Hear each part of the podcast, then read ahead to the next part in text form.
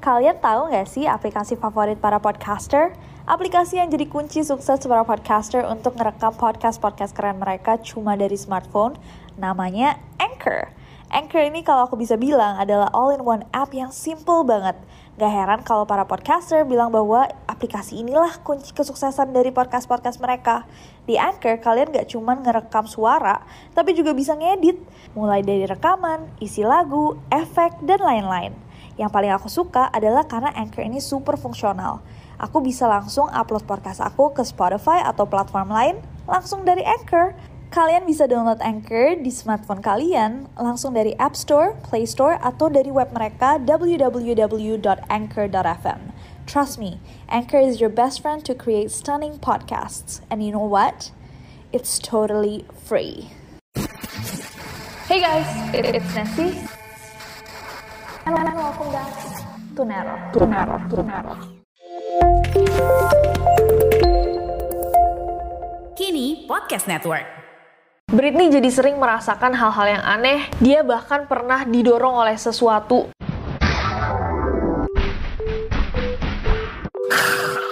Hey guys, it's Nessie and welcome back to Neror. How are you guys? Semoga baik-baik aja. Jadi nggak usah lama-lama, hari ini kita punya kasus yang sangat... Terima kasih semua yang udah request. Jadi kemarin-kemarin ini lagi rame banget dibahas di media sosial tentang rumah angkernya Britney Spears dan dibeli oleh artis Hollywood lainnya, Britney Murphy, yang akhirnya meninggal dunia dengan cara yang sangat janggal. Hanya lima bulan sebelum suaminya meninggal dengan cara yang sama di dalam rumah terkutuk itu. So malam ini di Neror kita akan membahas tentang misteri ini, hubungan seram antara rumahnya Britney Spears dan kematian janggal Britney Murphy. So without any further ado, stop senyum-senyum, cause shit's about to go down. So tadi aku bilang bahwa ini lagi lumayan ramai di sosial media. Well, ini semua berawal dari Britney Spears. Jadi sekitar seminggu lalu, Jen Zabrowski, seorang aktris, produser, dan podcaster, dia baru aja ngerilis satu episode dari podcastnya yang berjudul We Need to Talk About Britney. Kita harus membicarakan Britney. It was so bad that she. Nah di episode baru ini dia mengundang seorang makeup artist yang dulunya adalah makeup artist pribadinya Britney dari tahun 1999 sampai 2004. Namanya Julian Kay. Basically sepanjang podcast ini dia menceritakan nasibnya Britney lah melalui masa-masa pre-conservatorshipnya Britney. Dia ngomongin betapa sedihnya kehidupannya Britney waktu dia berantem sama paparazzi, putus dan di frame sama Justin Timberlake, dikekang manajemennya, dan lain-lain teori-teori yang kita udah bahas di Neror yang ini. Tapi yang paling menarik perhatiannya publik itu ada di akhir podcastnya, sekitar 2 menitan. Dia sempat ngomong tentang rumah mewahnya Britney yang berlokasi di Hollywood Hills, California, Amerika Serikat, yang katanya itu terkutuk. Jadi Julian cerita bahwa Britney waktu itu tuh sedang melewati transformasi spiritual dan dia mengundang seseorang yang katanya adalah spiritual healer, jadi kayak Reiki gitu. Jadi si spiritual healernya kayak semacam medium itu pas datang ke rumah Britney, dia melakukan ya kayak ritualnya dialah di dalam rumah itu. Tapi setelah dia pergi, Britney merasa bahwa apa pun yang dilakukan sama si spiritual healer itu malah membuat rumahnya tuh jadi aneh.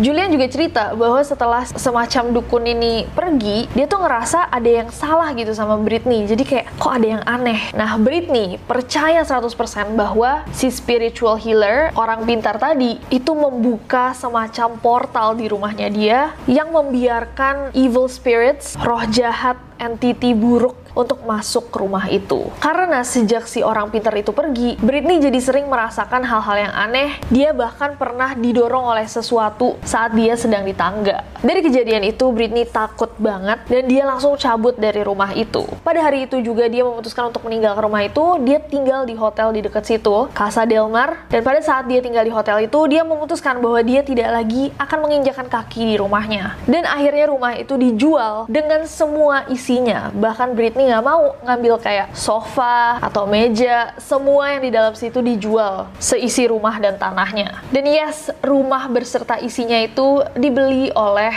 Britney Murphy. It was so bad that she left. She went to the Casa Del Mar Hotel to stay there and never went back to the house again. She put her house on the market, and guess who bought that house and died in it?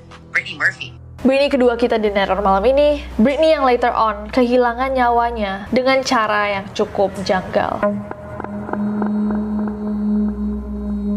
So kayak tadi aku bilang, jadi Britney Spears menjual rumah mewahnya berserta semua isinya dan dibeli oleh Britney Murphy di tahun 2003 dengan harga 3.850.000 dolar. Nggak murah. Hi everybody, this is Brittany Murphy. Britney Murphy pada saat itu hanya tinggal bersama ibunya, Sharon Murphy. Gimana nih guys kita manggilnya Britney Murphy? Selalu aku panggil Britney Murphy panjang banget. Gimana kalau BMBS gitu? Nggak, nggak enak ya? Oke.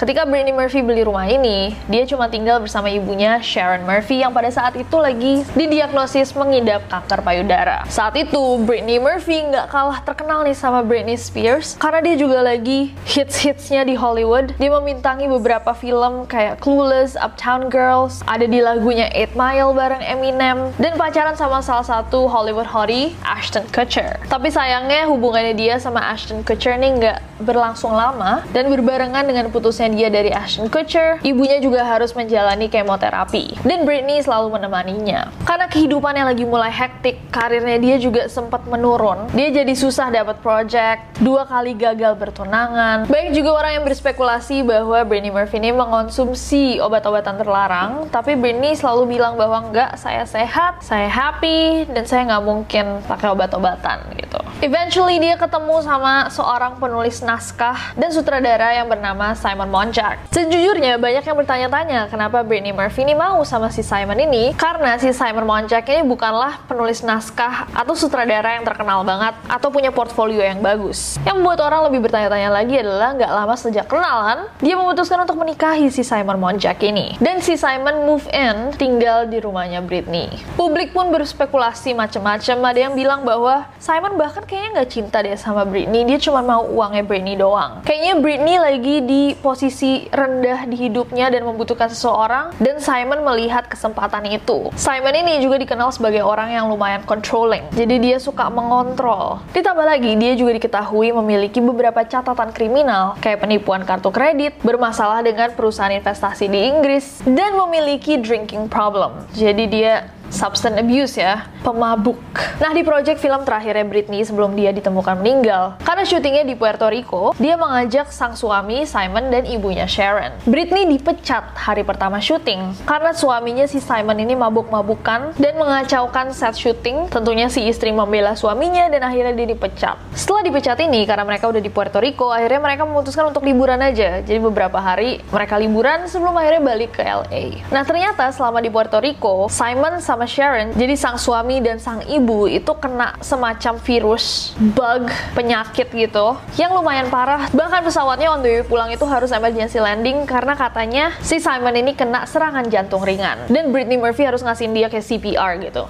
But anyways, mereka sampai di LA dan katanya ketika sampai, Britney itu merasa badannya mulai nggak enak. Dia merasa flu. Dia juga cerita sama ibunya dan suaminya bahwa dia tuh kayaknya kena flu berat gitu. Tapi dia nggak ke rumah sakit. Kenapa dia nggak ke rumah sakit? Karena sang suami bilang, udahlah kamu jangan ke rumah sakit ke rumah sakit terus-terusan. Nanti press ngeliat kamu keluar masuk rumah sakit, dikira kamu sakit-sakitan dan akhirnya kamu nggak akan dapat project film baru. Kalau ringan-ringan kayak gini cuman flu, sini aku aja yang ngurus. Beberapa hari sakit, Britney itu udah mulai nggak kuat. Akhirnya dia bikin appointment sama dokter untuk tanggal 21 Desember tahun 2009. Naasnya sehari sebelumnya pada tanggal 20 Desember tahun 2009, Britney ditemukan meninggal dunia di dalam kamar mandi rumahnya oleh ibunya. 1895 Rising Glen Road. Exactly what happened. Oh, somebody's passed out. Somebody what? Oh, somebody's,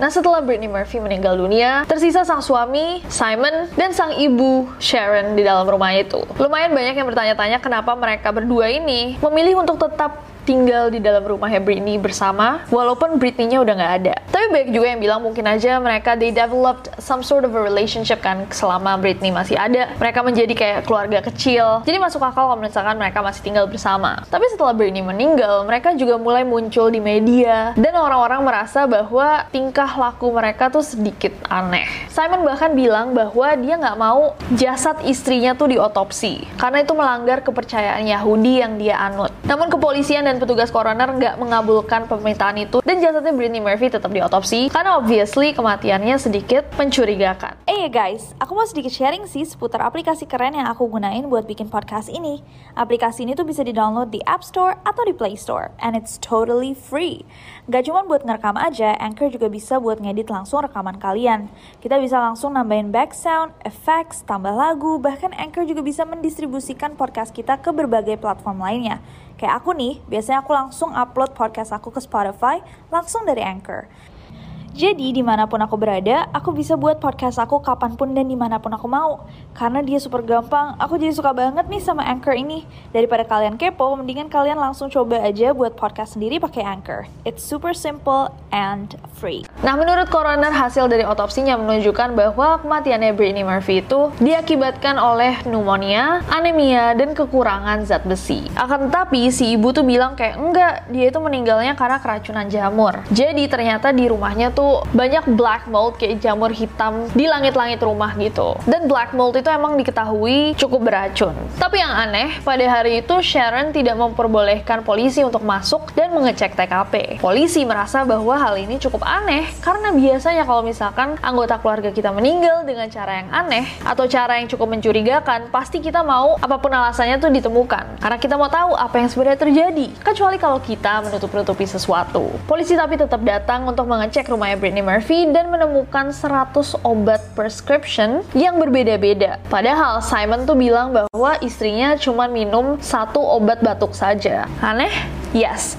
tapi kita belum sampai ke bagian paling anehnya. Gak lama setelah Britney meninggal, kayak tadi aku bilang, Simon dan Sharon tuh bertingkah laku cukup aneh. Simon Monjack bahkan mengundang Radar Magazine untuk datang ke rumahnya dan melakukan house tour. Dan house tournya tuh kayak aneh banget, dia nunjukin kayak, oh iya ini kamar mandi di mana Britney meninggal, ini kursi di mana dia berbaring terakhir, ini makeup makeupnya berantakan, ini lihat baju-bajunya banyak banget. Oh lihat jaket Gucci ini lucu ya gitu. Actually, that's a really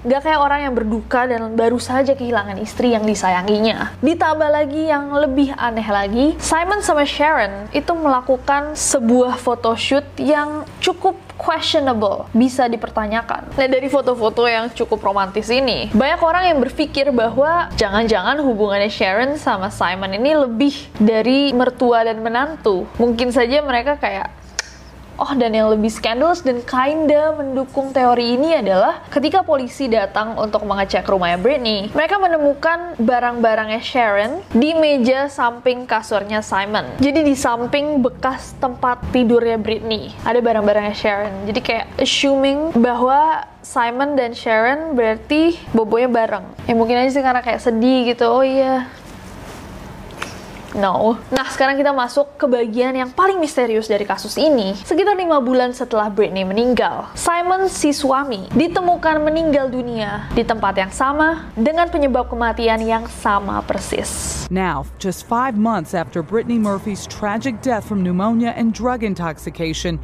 her husband, Simon Monjack, has also died. Nah, alasan kematian keduanya itu dibilang sebagai penyebab alami. Dan hal ini dipertanyakan oleh banyak banget orang kayak, hah? Penyebab alami di umur 32. Gak masuk akal. Setelah Britney sama Simon meninggal, Sharon sempat menuntut bahwa kematian anaknya dan suami anaknya itu dikarenakan jamur yang ada di rumahnya itu dan dia mendapatkan settlement sebanyak 600 ribu dolar. Tapi ayahnya Britney, Angelo Bertolotti, yakin 100% bahwa anaknya itu diracun. I absolutely positively think she was poisoned, yes. I'm calling for it to be exhumed if necessary. Di tahun 2013, 4 tahun setelah Britney Murphy meninggal, Angelo diam-diam meminta ahli untuk melakukan tes toksikologi dengan menggunakan rambutnya Britney. Nah hasilnya itu cukup bertolak belakang sama laporannya coroner karena ditemukan 10 tipe logam berat yang biasanya digunakan di dalam racun tikus di dalam tubuhnya Britney. Namun ketika dipublikasi, asisten kepala Departemen Coroner Ed Winter menjelaskan bahwa fenomena itu mungkin saja karena Britney ini sering ngecat rambutnya, jadi mungkin di dalamnya tuh ada kayak sisa-sisa elemen logam berat karena nggak ditemukan kandungan yang sama di dalam darah dan jaringan tubuhnya Britney. Nah Sharon sang ibu juga bilang kalau selama ini Angelo juga nggak pernah jadi sosok ayah kok tiba-tiba muncul ngomong di mana-mana tentang anaknya padahal dari dulu dia nggak pernah ngurusin. Angelo bilang bahwa eh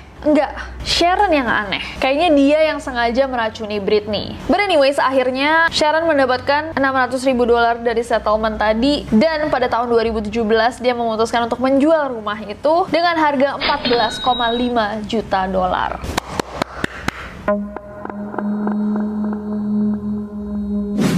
Sekarang kita masuk ke teori-teorinya. Teori yang pertama adalah bahwa Britney dan suaminya Simon meninggal karena pneumonia. Ini adalah legal cause atau alasan legal yang dirilis oleh kepolisian. Teori yang satu ini walaupun teori yang dikonfirmasi oleh polisi masih membuat banyak banget orang bertanya-tanya kenapa Britney sama suaminya Simon yang umurnya berbeda, gendernya berbeda, bentuk badan berbeda, bisa meninggal dengan dua alasan yang sama, pneumonia sama anemia, hanya karena tinggal di rumah yang sama itu. Kalau kita pakai alasan si black mold atau jamur yang dipercaya Sharon membunuh anaknya, kenapa yang kena impact dari jamur ini cuman Britney sama Simon? Padahal Sharon jauh lebih tua, jauh lebih rentan, bahkan punya kanker. Teori yang kedua adalah mereka meninggal karena virus yang mereka dapatkan dari Puerto Rico pas Britney terakhir syuting itu. Tapi faktanya yang terkena virus itu selama trip itu adalah Simon sama Sharon. Kalau memang virusnya sefatal itu, bukannya mestinya efeknya paling kenceng sekali lagi di Sharon yang badannya rentan dan udah punya kanker. Teori yang ketiga adalah dibunuh. Tak lain dan tak bukan oleh ibunya sendiri. Banyak yang percaya bahwa mungkin Sharon menghasut Simon untuk membunuh putrinya atau mereka berdua ini berkonspirasi bersama untuk membunuh Britney. Dan setelah Britney meninggal, Sharon pun menghabisi Simon agar semua hartanya Britney turun buat dia aja gitu. Teori yang ini juga dipercaya oleh ayahnya Britney actually, si Angelo. Angelo ini curiga karena dalam surat wasiatnya Britney, dia melimpahkan semua harta bendanya untuk si ibu. Dan anehnya setelah Britney meninggal, Sharon tuh melelang semua pakaiannya Britney sampai ke pakaian-pakaian dalam itu semua dilelang sama dia. Bahkan pasportnya juga dilelang. Not to mention gerak-gerik anehnya Sharon sih setelah Britney meninggal. Sebelum kalian lupa, inget lagi photoshoot ini please. Teori keempat adalah bahwa Britney dibunuh oleh pemerintah Amerika Serikat. Hah, jadi ini juga teori satu lagi yang dipercaya oleh ayahnya Britney, si Angelo, adalah bahwa kematiannya Britney sama suaminya tuh berhubungan sama pemerintah Amerika Serikat. Jadi sebelum Simon meninggal, dia sempat cerita ke Radar Magazine bahwa dia merasa bahwa hidupnya dia dan istrinya itu selalu dipantau. Simon bahkan bercerita bahwa di rumahnya itu dia pasang sekitar 56 kamera security camera dan dia masang alat-alat di sekitar rumahnya biar kalau misalkan dia lagi telepon, teleponnya tuh nggak bisa disadap. Wait, wait, wait, Nessie, ap- apa hubungannya Britney Murphy sama pemerintah Amerika Serikat? Well, apparently Britney Murphy ini, our girl Britney Murphy ini dikatakan sebagai salah satu saksi yang sangat penting di dalam kasusnya Julia Davis yang pada saat itu sedang menuntut Departemen Keamanan Amerika Serikat, the United States Department of Homeland Security dalam kasus diskriminasi dan seksual. Jadi karena Britney Murphy adalah saksi penting, dibunuh biar dia tidak bisa memberikan kesaksiannya. Dan teori yang terakhir, nyambung sama bahasan pertama kita, adalah bahwa rumah itu memang rumah yang terkutuk. Mungkin saja kesaksiannya makeup artisnya Britney Spears itu bahwa pada saat itu Britney truly believe bahwa orang pintar yang diundang sama dia ke rumahnya itu benar-benar membuka portal atau mengundang hal-hal buruk, roh-roh jahat, or whatever it is she was talking about, yang akhirnya tinggal di dalam rumah itu. Ditambah lagi Simon tuh sempat cerita ke The Hollywood Reporter bahwa ketika Britney Murphy masih hidup, dia sebenarnya benci banget sama rumah itu. Setiap kali kita nyetir ke Sunset Boulevard, Brit would always say, dia selalu bilang kayak, boleh nggak kita malam ini tinggal di Beverly Hills Hotel? Terus aku bilang, Honey, kamu harus realistis, kita kan punya rumah. Ya kita harus tinggal di dalam rumah itu. Rumah istrinya maksudnya, bukan rumah dia ya. Jadi basically kedua Britney ini tidak nyaman gitu sama rumah ini. Sampai hari ini masih banyak banget pertanyaan yang mengelilingi kematiannya Britney Murphy sama suaminya Simon Monjack. So aku mau tahu sekarang dari kalian, what do you guys think? Apakah kalian percaya bahwa Sharon adalah orang di balik kematian ini atau ada alasan-alasan lain?